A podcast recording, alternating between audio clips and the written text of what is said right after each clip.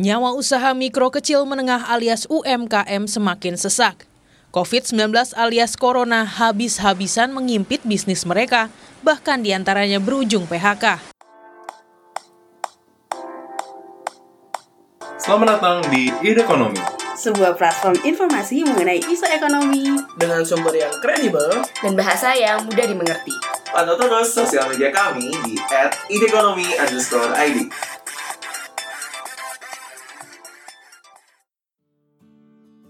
Halo Ide Listeners, selamat datang di episode podcast Ide Ekonomi kali ini bersama dengan saya Niko.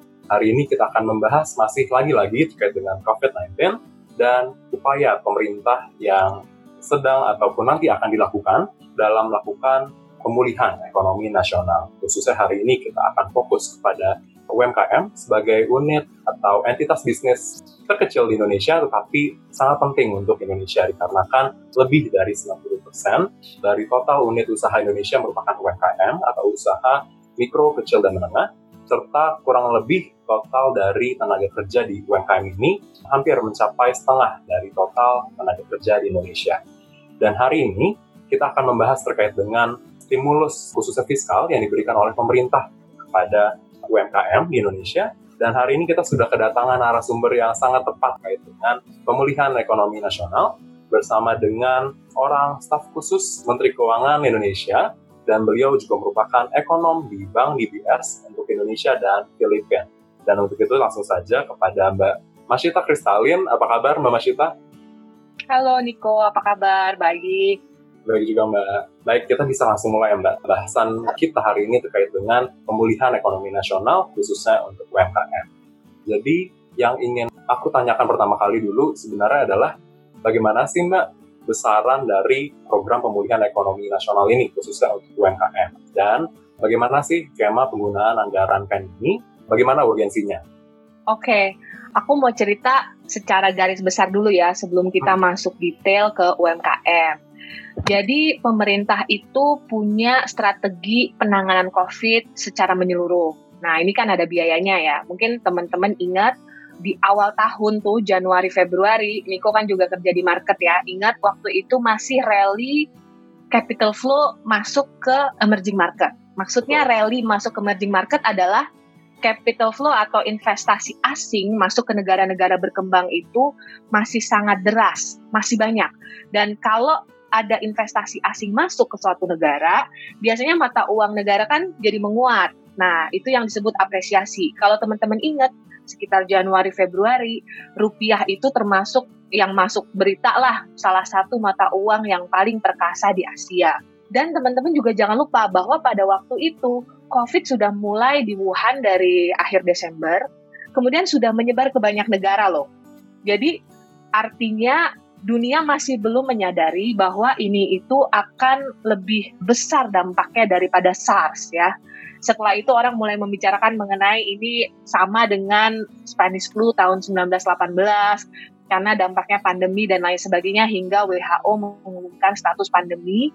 Barulah setelah itu financial sector dan global investor itu mulai menyadari sehingga aset-aset keuangan itu secara natural begitu ada kondisi ekonomi seperti itu biasanya mereka akan masuk ke aset yang paling aman. Dan biasanya negara-negara berkembang dianggap relatif kurang aman dibandingkan misalnya mereka membeli aset di Amerika Serikat gitu ya. Terjadilah depresiasi mata uang pelemahan mata uang di mana-mana termasuk rupiah. Nah itu di sisi financial sector udah biasa lah ya, setiap ada shock terhadap perekonomian, financial sector itu selalu ada yang namanya knee jerk reaction. Knee jerk reaction tuh reaksi cepat financial sector, reaksi gara-gara sentimen. Misalnya ada berita baik, wah financial sector langsung naik, naik, naik di atas fundamental ya. Kemudian begitu ada berita negatif, turun, turun, turun, turun di bawah fundamental gitu kan. Nah, itu sisi fit financialnya. Tapi kalau kita lihat ke sisi real sector, itu terjadi juga sebetulnya. Jadi kan Januari itu ada Chinese New Year. Nah, orang Indonesia, pengusaha sudah biasa. Biasanya menjelang Chinese New Year, kita sudah stok barang-barang raw material imported dari Cina, dari Tiongkok. gitu Karena udah tahu Tiongkok selama Chinese New Year kurang lebih produksinya akan lebih terhambat sehingga import akan melambat ya. Jadi itu sedikit blessing in disguise karena waktu itu kita juga belum sadar bahwa disrupsi rantai pasok itu akan lebih panjang akibat COVID. Jadi sudah ada buffer supply raw material pada saat itu terhadap manufacturing kita. Makanya kenapa manufacturing kita secara relatif dampaknya itu tidak secepat negara-negara lain yang tidak melakukan buffer karena Chinese New Year ini. Nah, di periode itu, itu eh, sebelum WHO mengumumkan pandemi ya, di periode itu pemerintah langsung bergerak mengeluarkan insentif fiskal tahap pertama kalau teman-teman ingat. Nah, uh-huh. insentif fiskal tahap pertama ini membantu sektor-sektor yang kira-kira terpengaruh sama disrupsi yang terjadi di Tiongkok. Jadi kemudahan impor ekspor sudah mulai dikeluarkan, kemudian beberapa insentif kita juga mempercepat beberapa bansos dan dana desa itu adalah dukungan terhadap sisi konsumsi ya. Sisi konsumsi pasti kena hit duluan. Kemudian begitu mulai menyebar di lebih banyak negara dan dampaknya lebih serius, kita keluarkan yang namanya insentif fiskal tahap 2. Sebetulnya pada saat kita keluarkan tahap 2, kemudian kan ada tahap 3 yang akhirnya perpu yang nanti dana-dananya ini akan saya ceritakan pertanyaan Diko tadi ya. Di tahap 2 itu sebenarnya kita keluarkan karena sudah mulai sadar ini, oh ini dampaknya terhadap perekonomian dan terhadap masyarakat Indonesia akan lebih besar. Akan tetapi kita punya keterbatasan secara undang-undang defisit fiskal kita itu melebihi 3%, dibatasi oleh undang-undang. Jadi buat teman-teman yang baru dengar ya defisit fiskal, kadang-kadang ada yang bilang karena account defisit, fiskal defisit banyak banget ya istilah-istilah defisit. Beda Tapi ya? kalau defisit fiskal yang saya maksud di sini itu adalah perbedaan penerimaan dan pengeluaran negara. Jadi kan negara memang pengeluarannya lebih besar daripada penerimaannya. Nah, defisit fiskal kenapa sih dibatasin di Indonesia 3%? Salah satunya itu adalah semacam fiskal disiplin, biar kita disiplin sendiri aja. Kayak kayak kita misalnya habis gajian, oke okay, yang buat investasi sekian persen, itu kan kita menentukan sistem bagi diri sendiri untuk disiplin. Nah, mhm. suatu negara, terutama negara-negara berkembang, banyak yang menetapkan defisit fiskal seperti Indonesia pada saat kita keluarkan stimulus kedua, sebetulnya kita juga sudah menyiapkan yang namanya Perpu 1 2020 yang sekarang sudah diundangkan menjadi Undang-Undang Nomor 2 tahun 2020. Karena kita tahu dampaknya akan melebihi batasan defisit fiskal yang kita punya. Itu pertama. Kedua, ini saya juga baru belajar waktu masuk pemerintahan. Teman-teman tahu nggak? Di satu direktorat nih, misalnya direktorat A di satu kementerian punya dana yang tidak bisa dipakai Misalnya karena perjalanan dinas selama COVID kan tidak tidak terpakai. Itu secara aturan undang-undang kalau mau dipindahkan ke direktorat sebelahnya dalam satu kementerian perlu persetujuan DPR. Jadi teman-teman bisa bayangkan realokasi anggaran yang diatur di Perpu itu bukan hal simpel buat pemerintah. Kenapa dibuat ribet begitu? Karena memang pemerintah itu perlu good governance, perlu akuntabel. Artinya semua pengeluaran itu diatur sesuaikan dengan target-target pembangunan. Nggak bisa sembarangan direalokasi dalam satu mata anggaran, dalam satu tahun gitu ya. Nah, oleh karena itulah dalam Perpu salah satu yang utama fleksibilitas. Jadi jumlah defisitnya satu, yang kedua fleksibilitasnya juga diatur. Nah, inilah yang kemudian dan sampai hari ini sangat membantu bagaimana APBN itu bisa bereaksi membantu pemerintah menjadi semacam shock absorber buat perekonomian. Nah, di tahap tiga ini yang pertanyaannya Niko, banyak juga yang tanya kan kenapa nggak nggak dari awal aja gitu. Makanya saya cerita begitu karena kita harus melakukan yang namanya evidence based policy making ya. Jadi policy atau kebijakan pemerintah disesuaikan dengan tujuan dan juga kondisi ekonomi gitu. Jadi karena kondisi ekonominya dinamis, kebijakan pun dibuat secara dinamis. Jadi mungkin kalau hari ini kita bicara tanggal 13 Juni, kalau Niko tanya saya lagi 13 Juli, mungkin beberapa dari kebijakan itu juga sudah mulai shifting arahnya karena memang kita melihat denyut perekonomian lalu kita lihat solusinya apa buat buat denyut itu gitu. Misalnya ada sektor yang agak kurang, oh kebijakannya apa gitu kan, disesuaikan dengan kondisi ekonomi. Nah, kembali ke pertanyaan Niko, total biaya anggaran itu kurang lebih saat ini per hari ini di lebih dari 690 triliun ya. Anggaran kesehatan sendiri itu 87 triliun. Awalnya hanya 75 triliun. Jadi bisa dibayangkan betapa ini dinamis ya. Awalnya kita set up itu di 75 triliun. Kemudian perlindungan sosial paling besar sendiri di 203 triliun. Insentif usaha 120 triliun, UMKM tadi 123,46 triliun. Pembiayaan korporasi ada di 53 triliun. Kemudian sektoral KL dan Pemda di 106 triliun ya. Nah, pembagiannya gimana sih? Berapa persen untuk apa gitu ya dan mengapa gitu kan? Mhm, Pertanyaannya iya. kurang lebih gitu ya. Betul. Jadi gini, kita percaya bahwa krisis bukan krisis lah ya. Kondisi saat ini itu terjadi karena isu kesehatan kan. Jadi agak berbeda dengan 9798 ataupun 2008. Di dua krisis sebelumnya itu yang terkena adalah sektor keuangan.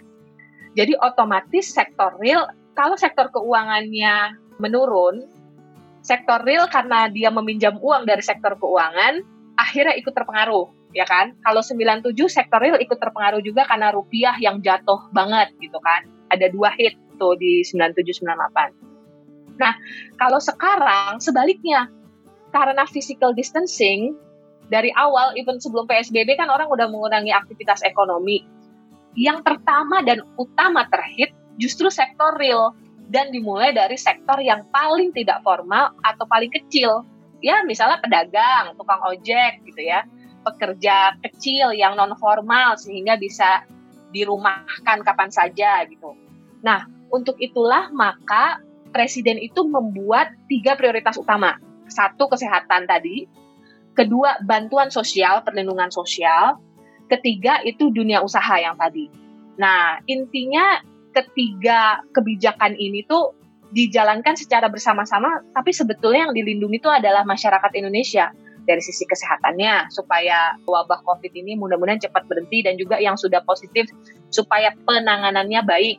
Kemudian perlindungan sosial, kenapa perlindungan sosial besar sekali peningkatannya ya selama Ya. COVID ini? Karena gini, kalau kita ingat kita punya program namanya program keluarga harapan dan kartu sembako. Sebenarnya kan di tahun lalu ya, ini pasti naik tahun ini, kemiskinan itu di 9, something persen lah, 9 persen. Ya, itu kemiskinan di Indonesia. Sementara PKH sendiri sudah 25 persen terbawah. Jadi artinya, even baru PKH, belum dengan bantuan-bantuan yang lain itu sudah cover jauh di atas poverty line gitu. Akan tetapi karena kondisi yang seperti ini, orang-orang yang tadinya di atas poverty itu namanya near poor atau vulnerable. Golongan vulnerable ini golongan rentan yang kalau terjadi shock ekonomi, mereka bisa sewaktu-waktu turun. Nah, itu dalam kondisi normal juga sudah kita cover dalam bansos kita. Tapi ini kondisi yang ini lebih tidak normal lagi dari itu. Kita harus naik ke desil atasnya lagi. Desil atasnya. Biasanya kalau orang development itu di pemerintah bilang bottom 40 ya, 40% below itu yang selalu dilindungi. Sekarang kita bekerja naik ke desil di atas. Karena apa?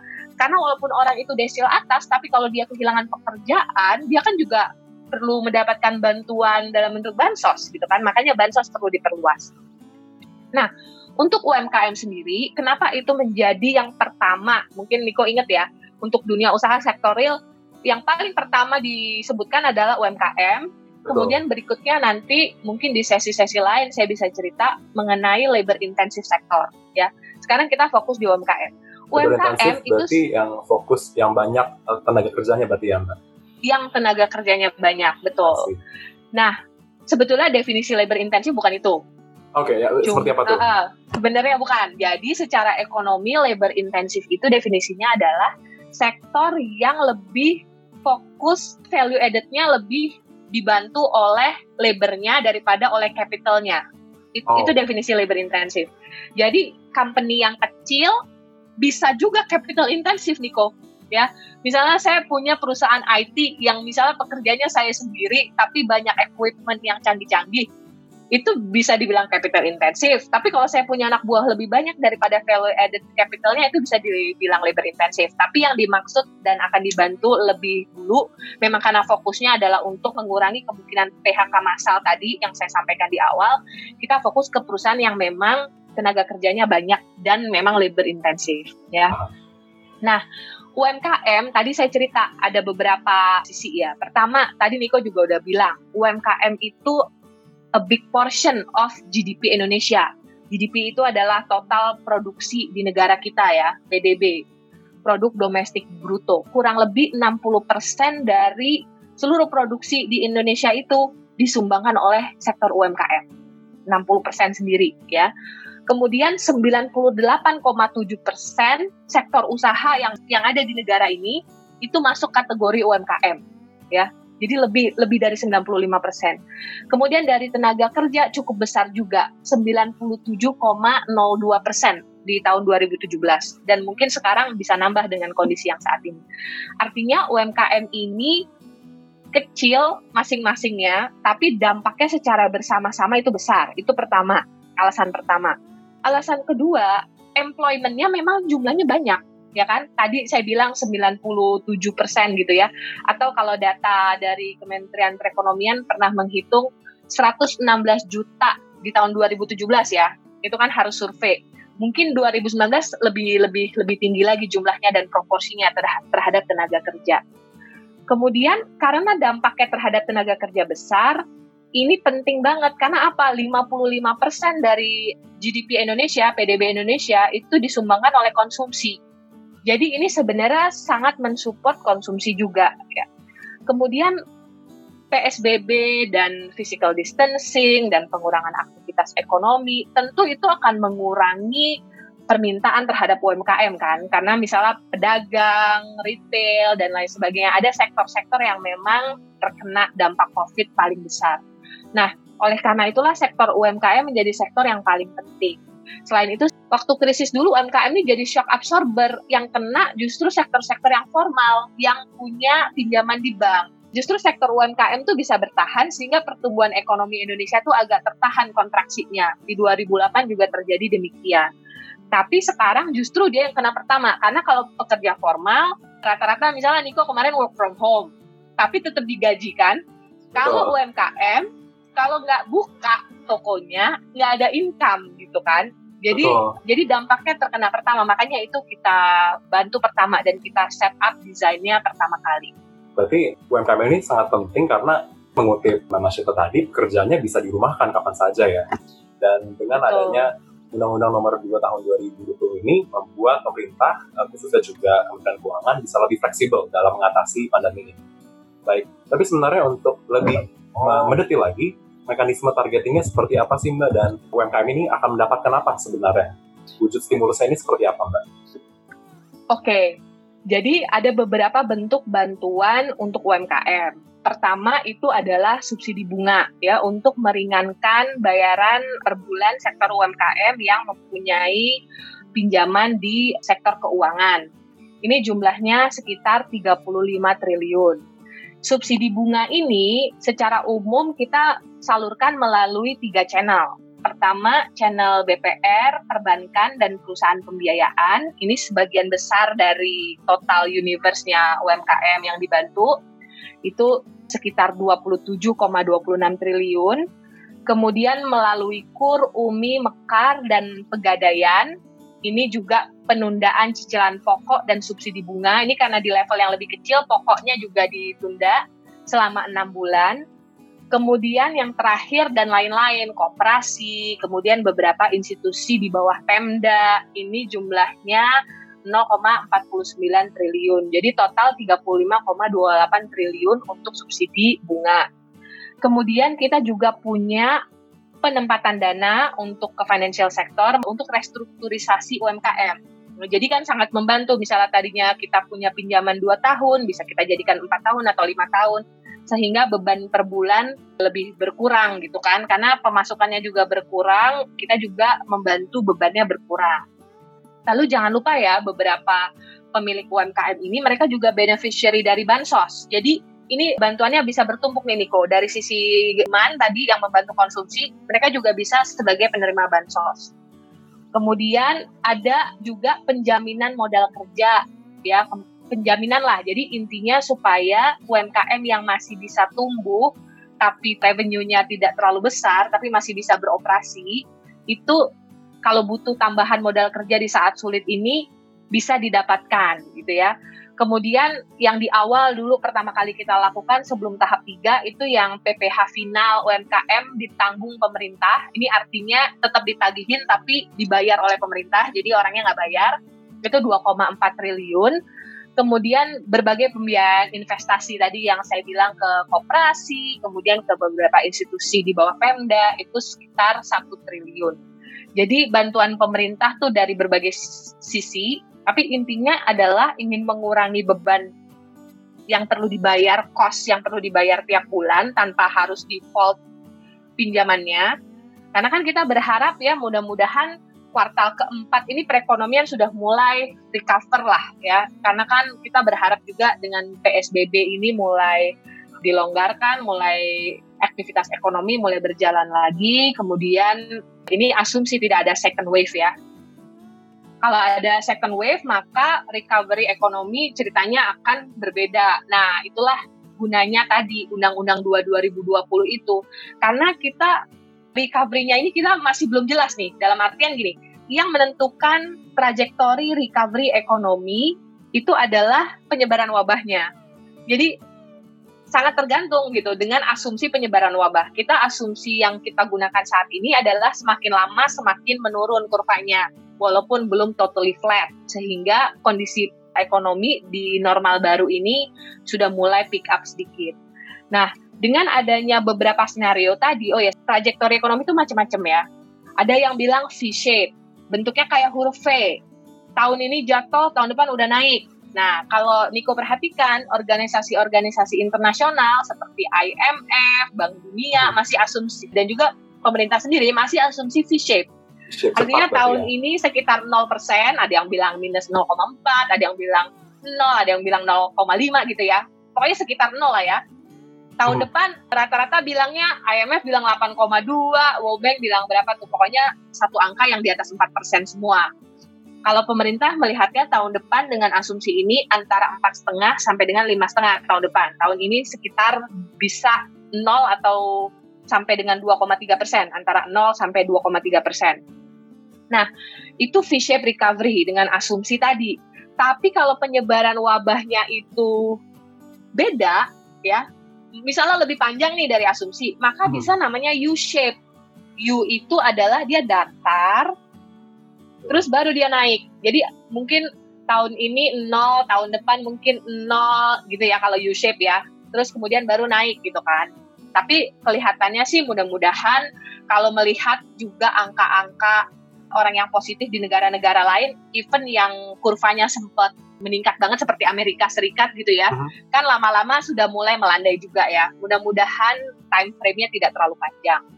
Ada juga yang bilang kita nggak bisa mendismiss L shape. L itu artinya kita downturn-nya lama, yang di bawahnya lama gitu. Atau bisa juga ada yang bilang W shape waktu Spanish flu, ya memang waktu itu data belum cukup baik.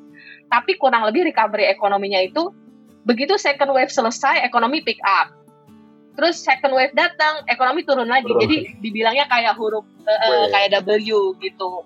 Mudah-mudahan sih itu tidak terjadi. Tapi kalau sampai trajektori recovery ini berubah dari asumsi kita yang V-shape, maka APBN itu secara peraturan sudah siap untuk merespon perubahan itu gitu gitu itu yang tadi yang saya bilang evidence based policy making itu jadi kita sesuaikan tapi ini kita buat fleksibel sehingga begitu ada kondisi dinamis terjadi pemerintah bisa segera merespon dengan kebijakan at least dari sisi kami di Kementerian Keuangan APBN-nya sebagai shock absorber tadi. Baik. Kalau misalnya itu kan berarti pemerintah sudah membuat aturan yang umum dan mungkin makin spesifik makin di sini. Tapi di tataran prakteknya, peraturan pelaksananya bagaimana sih Mbak? Nah, peraturan pelaksanaannya itu untungnya kita lakukan paralel. Jadi hmm. waktu kita menyiapkan PP yang jadi Undang-Undang 2 2020 itu, beberapa peraturan pelaksana juga sudah mulai disiapkan bersamaan. Jadi sekarang banyak sekali peraturan pelaksana yang sudah jadi di beberapa lini pekerjaan. Namun memang belum semua ya, seperti PEN untuk korporasi mungkin baru diselesaikan dalam waktu dekat ini, sekarang sudah hampir finalisasi. Tapi kurang lebihnya sih sebagian besar, terutama kan yang paling utama-utama tuh yang di secure dulu awalnya adalah kesehatan di-secure dulu, bansos di-secure dulu, itu udah selesai. Kemudian dunia usaha UMKM juga di-secure dulu gitu. Nah, jadi kita juga mengerjakan peraturan pelaksananya juga by priority kan. Kalau misalnya seperti itu, boleh nggak nih Mbak, aku nanya, sejauh apa sih efektivitas stimulus dari program PEN ini untuk UMKM? Karena kan tadi uh, awalnya kesehatan dulu, lalu bansos, lalu kemudian dunia usaha, di dalamnya ada UMKM. Nah, kira-kira sejauh mana efektivitas dari stimulus ini? Ya mungkin kalau memenuhi seluruh kebutuhan untuk mengkompensat turunnya revenue jelas nggak mungkin ya. Even negara-negara dengan kapasitas fiskal besar, negara-negara besar juga tidak bisa mengkompensat 100%. Tapi yang kita harapkan tadi minimal dalam kondisi ekonomi yang sedang pingsan atau mati suri ini gitu ya. Jangan sampai kondisinya tuh membuat banyak usaha tuh yang mati beneran sehingga nanti pas saat ekonomi itu udah mulai siap untuk di jump start jadi lebih sulit gitu kan. Jadi kita mau mempertahankan juga kita ingin mempertahankan makanya dalam semua program kita mengencourage tolong jangan lay off gitu. Jangan lay off dan juga jangan penerimaan pegawai itu betul-betul nol gitu. Kalau diturunkan itu sudah kelihatannya sudah banyak yang terjadi ya, tapi minimal kita sama-sama berusaha dari pihak swasta juga pasti berusaha untuk tidak melay off dari pihak pemerintah berusaha mengurangi beban dari swasta dan juga dari sisi masyarakat juga ya saling bantu membantu ya. Tapi untuk melihat dampak sebetulnya seharusnya itu kan ada survei ya.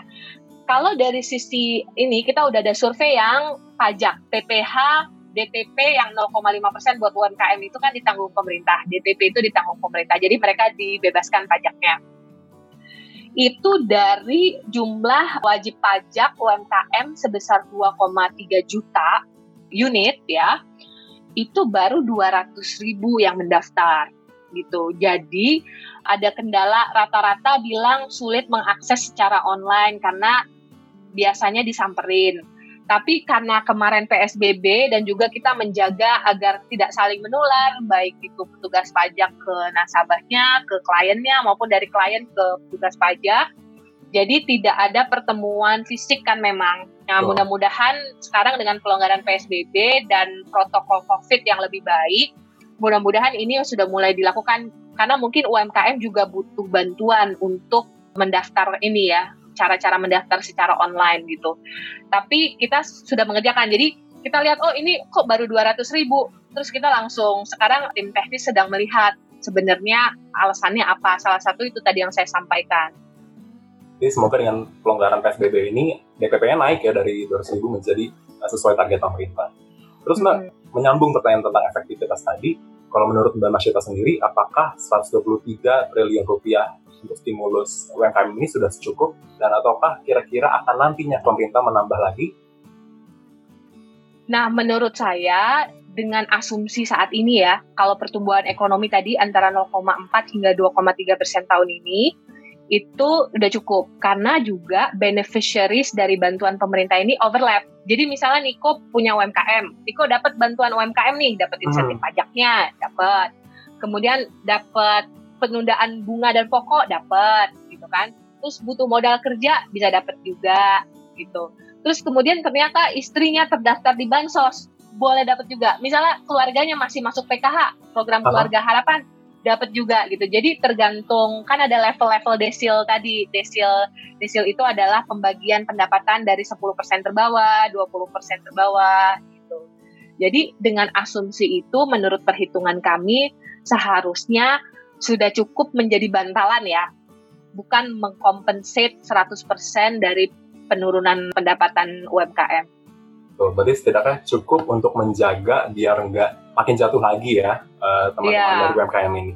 Baik, ini Mbak, untuk pertanyaan penutup, aku udah dapatkan dua pertanyaan dari ide listeners atau pendengar ide ekonomi. Yang pertama mungkin yang ini dulu dari Ed Hendrostus. Apakah ada sektor UMKM yang paling diutamakan atau diprioritaskan untuk mendapatkan stimulus ini, Mbak? Nah, untuk UMKM kita tidak memprioritaskan by sektor karena nature-nya UMKM banyak di sektor tertentu anyway. Misalnya banyak di retail dan trading. Secara nature-nya bisnisnya ya. kalau nanti bantuan terhadap korporasi itu atau BUMN itu memang ada prioritas by sektor, tipe-tipe sektor. Tapi kalau untuk UMKM semua bisa dibantu gitu. Semua yang masuk dalam list itu tidak tergantung terhadap jenis usahanya. Sina. Dan untuk pertanyaan kedua terkait dengan pertanyaan dari Maria Irsan. Bagaimana peran kerjasama internasional dalam pemulihan ekonomi nasional ini?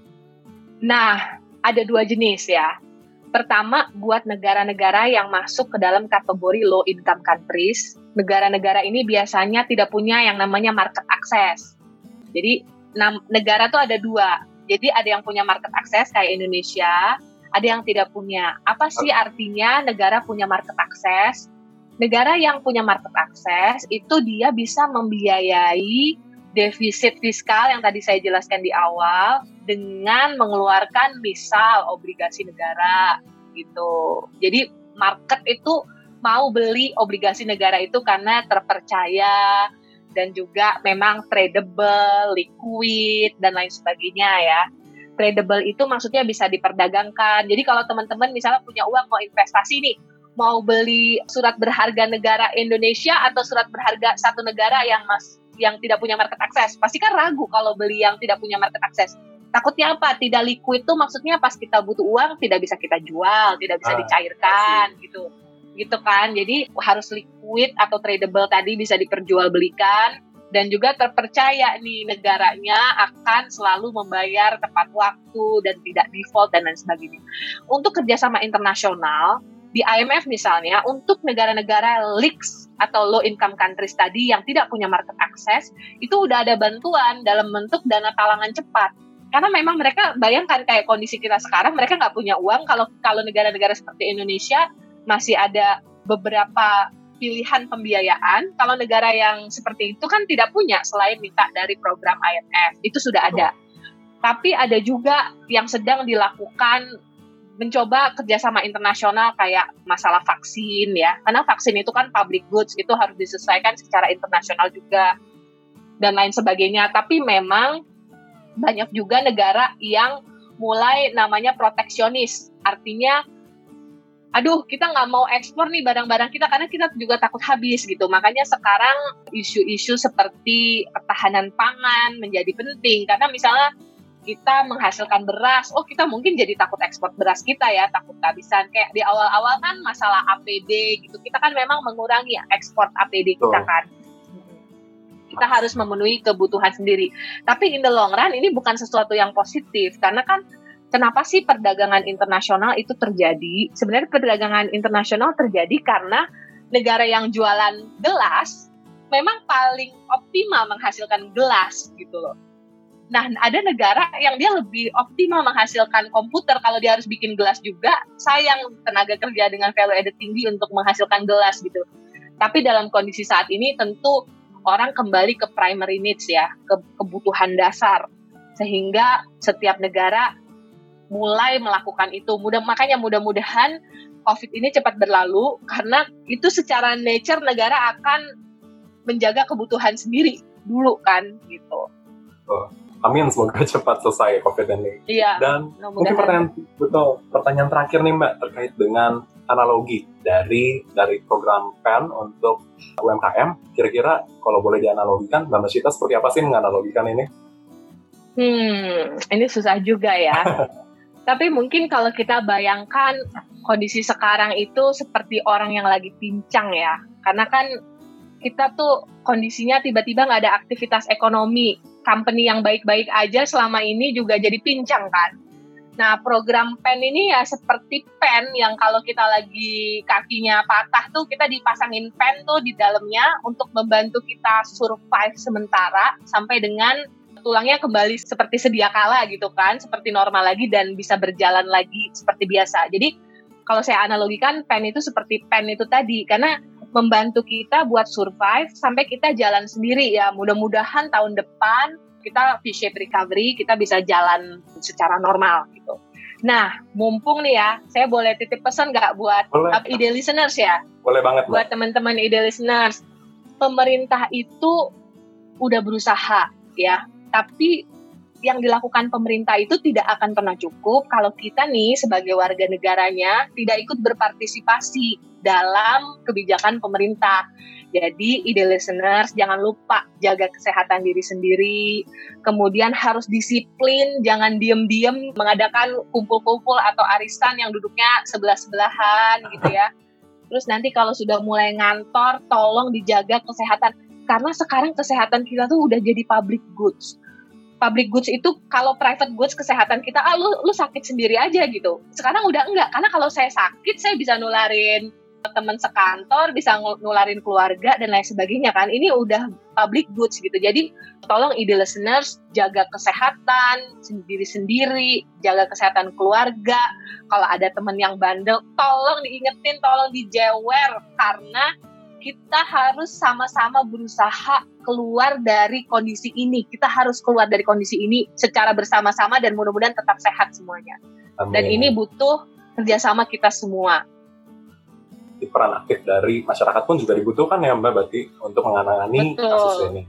Baik, uh, mengingat keterbatasan waktu nih Mbak Masyita, seru banget sebenarnya bisa ngobrol-ngobrol terkait dengan stimulus program pemulihan ekonomi nasional ini bersama Mbak Masyita.